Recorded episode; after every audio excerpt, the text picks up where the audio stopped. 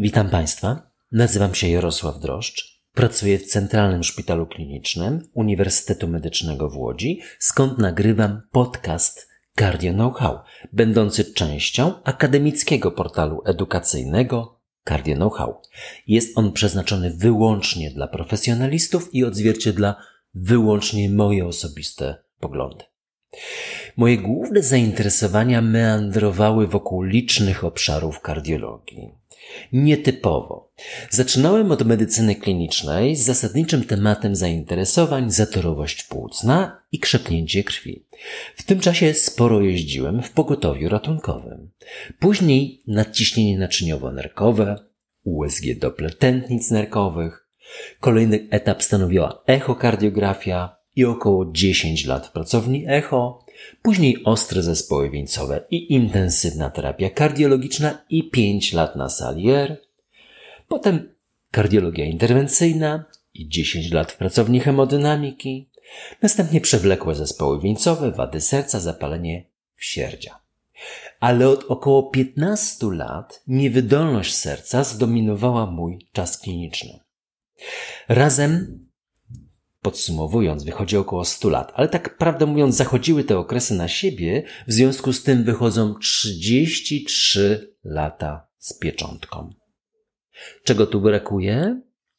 Podpowiem Państwu. Elektrokardiologii. I jeśli Państwo chcielibyście przyłapać mnie na niewiedzy, to tu będzie najłatwiej. Niewydolność serca. Dzisiejszy temat zdominował moje dzisiejsze życie kliniczne. Stąd pytań i wątpliwości mam tu najwięcej. A osnową ich będą ubiegłoroczne wytyczne. Sam kiedyś chciałem napisać wytyczne, nic mi z tego nie wyszło, stąd mam szacunek do ekspertów i podziw dla ich ogromu pracy. Ale po tych dwudziestu latach od tamtego epizodu i w te wakacje mogę sobie dziś pokrytykować we własnym podcaście. Kogo pokrytykować? Ano Terezę McDonagh i Marko Metra, wybitnych, wybitnych. Wyjaśniam, sam bym tego lepiej nie napisał, ale przyjrzyjmy się opracowanemu tekstowi z bliska.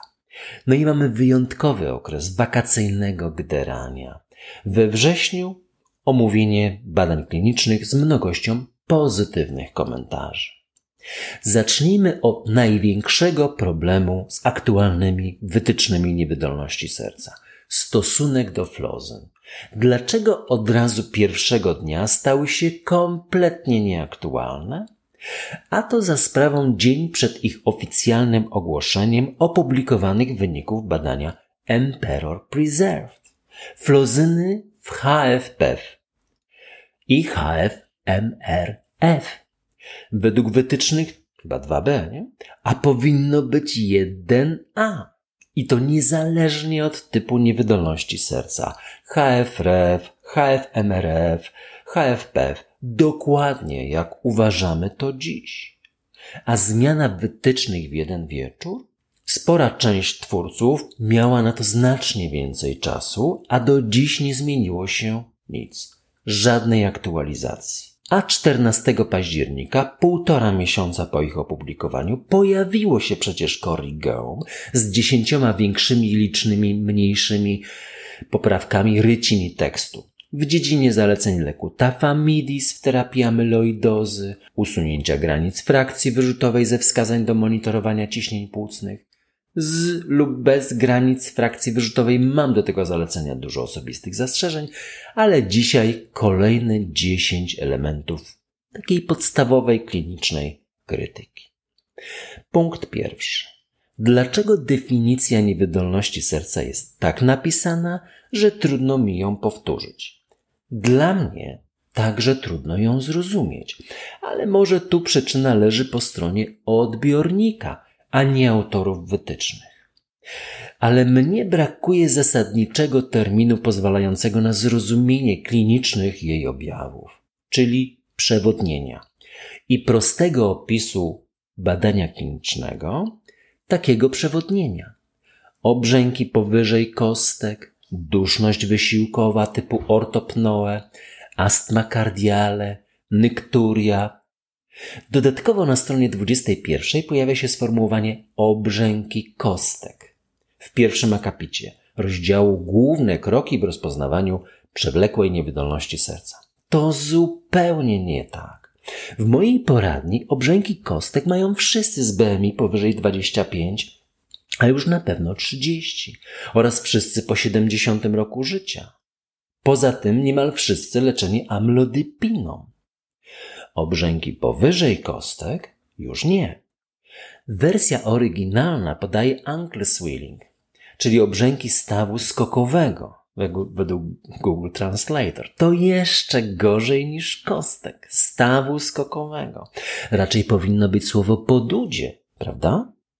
Tu pytam praktyków. Punkt drugi. Przeczytałem dokładnie jedno zdanie i zupełnie się z nim nie zgadzam. U niektórych osób z niewydolnością serca możliwe jest całkowite ustąpienie tego stanu. Nie widziałem przez 30 lat żadnej osoby, która pasowałaby mi do tego opisu na stronie 18. A państwo? Czyżby zatem był to nadmierny optymizm odwracalności, niewydolności serca wyrażony przez autorów wytycznych? Przeczytajmy jeszcze raz całe zdanie. U niektórych osób z niewydolnością serca możliwe jest całkowite ustąpienie tego stanu.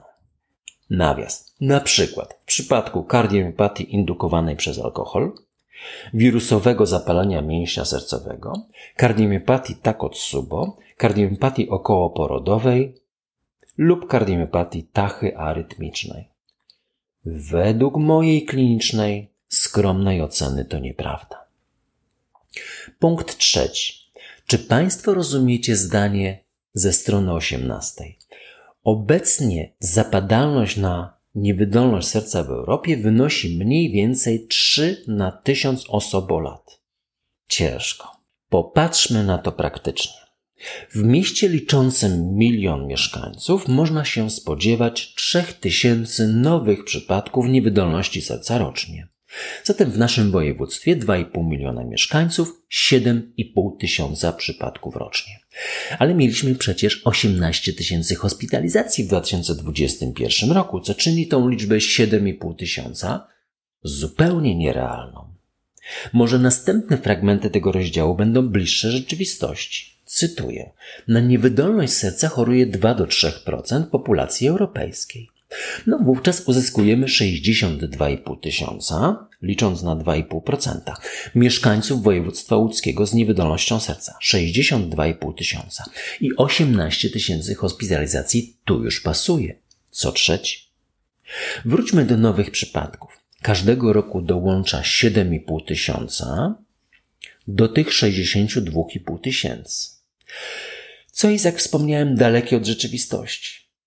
No dlaczego? No pamiętamy, że w niewydolności serca ginie około 10% rocznie, co sprawiałoby, że każdego roku zmniejszałaby się liczba chorych o te 10 minus 2,5%, 7,5%. Zmniejszała się liczba chorych z niewydolnością serca, a jest przecież zdecydowanie odwrotnie. Liczba chorych rośnie. Paragraf 331 zapadalność i częstość występowania należałoby napisać od nowa. Czwarty punkt. Natknąłem się na zdanie, Koronarografię zaleca się u tych pacjentów z niewydolnością serca, u których pomimo farmakoterapii występuje dławica piersiowa lub jej ekwiwalent w celu rozpoznania CAD, choroby wieńcowej i oceny jej ciężkości.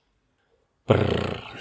Koronarografię można również rozważać u pacjentów z HFrEF przepraszam, że się śmieję, i pośrednim lub dużym prawdopodobieństwem CAD, których uważa się za potencjalnie nadających się do rewaskularyzacji wieńcowej. Zmroziła mnie ta próba wyliczenia błędów. Po pierwsze, w celu rozpoznania CAD koronarografia? Czy naprawdę to mają nam przekazać wytyczne? ESC? A mnie się wydawało, że powinny podsumować doświadczenia i badania kliniczne. Zawsze mi się wydawało, że CAD to rozpoznanie kliniczne, a jak będzie stent i stuprocentowa drożność, to nie ma CAD? A jak 10% zwężenie czwartej diagonalnej to CAD? Ocena ciężkości. No dobre sobie. No przecież to jest także wynik oceny klinicznej i wdrożenia skali CCS Kanadyjskiego Towarzystwa Kardiologicznego, do czego koronarografia zupełnie nie jest potrzebna. Koronarografia w HFRF i pośrednim ryzykiem CAD, a HFMRF nie, czy HFPF nie? Dla mnie żadna z tych trzech postaci nie jest wskazaniem do koronarografii, a już na pewno nie można się ograniczać tylko do jednej. No życie pokazuje, że raczej HFPF ma istotne zwężenia w tętnicach wieńcowych. A rewaskularyzacja w przewlekłej niewydolności serca i przewlekłym zespole wieńcowym? Doświadczenie przeczy zasadności rewaskularyzacji w obu, co jest wynikiem randomizowanych badań klinicznych, znanych przecież autorom tych wytycznych. Punkt piąty. Rycina druga. Algorytm terapeutyczny na stronie 24 zawiera poprawną listę pięciu leków, nazwanych przeze mnie Wielką Piątką. Znacie je Państwo. OCI łamane przez ARNI to punkt pierwszy. Drugi beta blocker, trzeci MRA, czwarty flozyny, piąty diuretyki pętlowe. Dziwna kolejność, ale to jest wielka piątka. To dlaczego następna rycina trzecia na stronie 29 zawiera tylko cztery filary, a pod nimi z sentencją dla wybranych chorych dopiero diuretyki? Ilu znacie Państwo pacjentów z prawdziwą niewydolnością serca, którzy nie wymagają diuretyków? Bo ja żadnego. Popełniam błąd zalecając zawsze diuretyk? Choć nawet 2,5 mg torasemidu dla pacjentów po wielu miesiącach stabilizacji i żmudnego podwyższania dawki arni i beta-blokerów? I antagonistów aldosteronu i flozyn?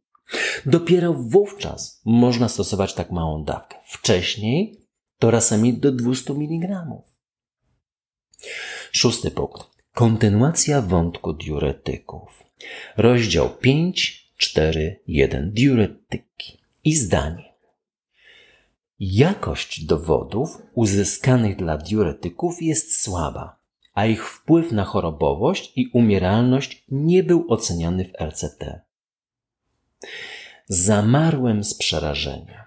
Gdybym dopiero co skończył studia, próbowałbym leczyć pacjentów z niewydolnością serca tylko czterema filarami z pominięciem diuretyków na bazie tego tekstu. A każdy z klinicystów ma świadomość, że to byłby naprawdę bardzo poważny błąd. Czy autorzy wytycznych pozostają ślepi na fakt objawów klinicznych, przewodnienia i niesamowitej, niezastępowalnej niczym skuteczności diuretyków? Brak RCT, randomizowanych badań klinicznych? a spadochrony, aparat tlenowy w nurkowaniu, unikanie samotnych drzew podczas burzy, kaski, pasy bezpieczeństwa, doczekały się RCT? Siódme zdanie. Sartany. Cytuję. Valsartan stosowany w połączeniu ze zwykłym leczeniem, w tym inhibitory konwertazy, zmniejszał częstość hospitalizacji z powodu niewydolności serca w badaniu Valheft. To jest niezwykle mylące. Ta sugestia, że można łączyć sartany z inhibitorami konwertazy. Pozostałość z wytycznych sprzed 18 lat i samej publikacji Walheft sprzed 21 lat. Niedbalstwo? Szkodliwe niedbalstwo?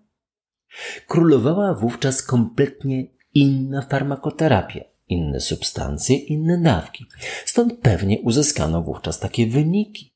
A ciarki mi przechodzą po plecach, że mógł to napisać ktoś, kto staje przy łóżku chorego. Rezydent w pierwszym dniu pracy, stażysta po trzecim roku, nie ma żadnych złudzeń, że tak czynić nie wolno. A autorzy wytycznych? A i owszem. Wspominałem Państwu, musi nastąpić zmiana pokoleniowa. Nasze przejdzie na zasłużoną, lub nie emeryturę, a Państwo poprawicie nasze błędy. Już dziś stanowicie większą wartość od wielu moich kolegów rówieśników, wspominam to często. I zostały nam trzy punkty. Digoksyna, punkt ósmy, podrozdział 545. Digoksyna Już się uśmiecham. Digoksynę można rozważać u pacjentów z HFRF rytmem zatokowym w celu zmniejszenia ryzyka hospitalizacji. No i dalej. W badaniu DIG łączny wpływ digoksyn na umieralność był neutralny. Ani nie ma to sensu, ani nie jest to zgodne z prawdą. Ani na szczęście z Państwa praktyką kliniczną ostatnich lat. Komentarz? Patrz punkt poprzedni. I dalej jest tylko gorzej. Posłuchajcie Państwo. Zdanie z wytycznych. Rok 2021. Cytuję. U pacjentów z upośledzoną czynnością nerek można rozważyć digitoksynę. Stosowanie digitoksyny u pacjentów z HFRF i rytmem zatokowym jest obecnie przedmiotem badań. Brrr. Przepraszam, to nie jest do śmiechu. Y, to naprawdę nie jest do śmiechu, ale nie róbcie tak Państwo. Błaga. Dziewiąty punkt. Analizując tabelę 35, leki zalecane HFMRF, widać wyłącznie diuretyki, klasa zaleceń 1. Tu są. A pozostałe to klasa 2b. Można rozważyć, czyli raczej nie. Co jest nieprawdą. Nie tylko z powodu już rocznej opieszałości autorów w kwestii flozyn, także MRA, także ARNI. Amerykanie takich błędów nie popełniają. Dziesiąte. A jak leczymy HFPF? Otóż zdaniem autorów wytycznych nie leczymy. Cytuję. Dotychczas nie wykazano, aby jakiekolwiek leczenie jednoznacznie zmniejszało umieralność i chorobowość u pacjentów z HFP. No wstyd. Młodsi koledzy, to nieprawda. I wy to zrozumiecie. Starsi koledzy, to nieprawda pomagamy pacjentom z ciężką chorobą nazywaną HFP. Diuretyki, flozyna, emera, arni. Perfekcyjne leczenie innych schorzeń. Dlaczego HFP nazwałem ciężką chorobą? No jaka była umieralność w grupie kontrolnej jednego z badań flozynowych HFP opisanego w NAME w końcu sierpnia 2021? 14% w ciągu 2,2 lat. W nadciśnieniu 1,5% przez 3 lata. Taka jest różnica. Nadal w obu przypadkach zachowana funkcja skurczowa lewej komory. I nadal uważacie Państwo, piszący wytyczne, że tych pacjentów nie należy leczyć, bo nie wykazano wyślecie kogokolwiek na konsultację do wybranego eksperta piszącego wytyczne Europejskiego Towarzystwa Kardiologicznego? Ciekawe, czy zostanę pozwany do sądu za obrany majestatu i tą krytyką autorów wytycznych Europejskiego Towarzystwa Kardiologicznego. Śledźcie, proszę, pracę prasę codzienną. No i moje zdjęcie, wyprowadzany z centralnego szpitala klinicznego, UMED, w metalowych kajdankach, bo takie tu mamy. Wiecie Państwo z filmów, że na innym świecie mamy inne kajdanki. Ale ja będę w metalowych. Dla odmiany klimatu, ale pozostajemy w krainie pure nonsensu. Obrona szaleństwa.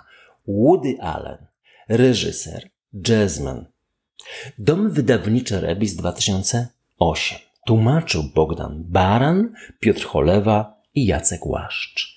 Już widzę, jak pękają ze śmiechu, przekładając te fantastyczne, prawie pięćdziesiąt kilkustronicowych tekstów. Czytam ich tytuły. Rzut oka na przestępczość zorganizowaną. No i tamten fragment stosunkowo niewielkie wydatki mafii na materiały biurowe. Inny tytuł Przypowieści hasyckie ze wskazówkami interpretacyjnymi znanego uczonego. Inny tytuł Ladacznica z męzy. To tylko przykłady tytułów tej, tej znakomitej prozy. A początek innego, cytuję. Liczba biuletynów, rozmaitych uczelni i reklam kursów dla dorosłych jakie pojawiają się w mojej skrzynce pocztowej, przekonuje mnie, że trafiłem na jakąś specjalną listę adresową nieudaczników.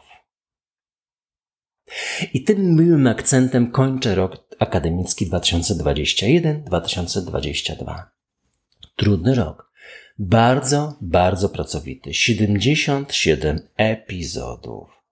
Za tydzień przez cały sierpień wspaniała, znakomicie wyedukowana młodzież. Młodzież z dużej litery. Potem we wrześniu wracamy do omówienia największych wyników badań z kongresu SC. A będzie się działo. Jeśli Państwo będziecie mieli jakieś uwagi, komentarze, pytania, kierujcie na media społecznościowe Cardia Know-how. Będę też Państwu bardzo wdzięczny za promocję podcastu wśród lekarzy oraz komentarz, choćby jednym słowem i oceną. Slawa Ukrainii. Odpowiedź. Ukrainii slawa. Będę to powtarzał do końca wojny. Coś mi podpowiada, że ostatni raz użyję tego we wrześniu 2022. A potem odbudowujemy kraj naszych przyjaciół. Do zobaczenia.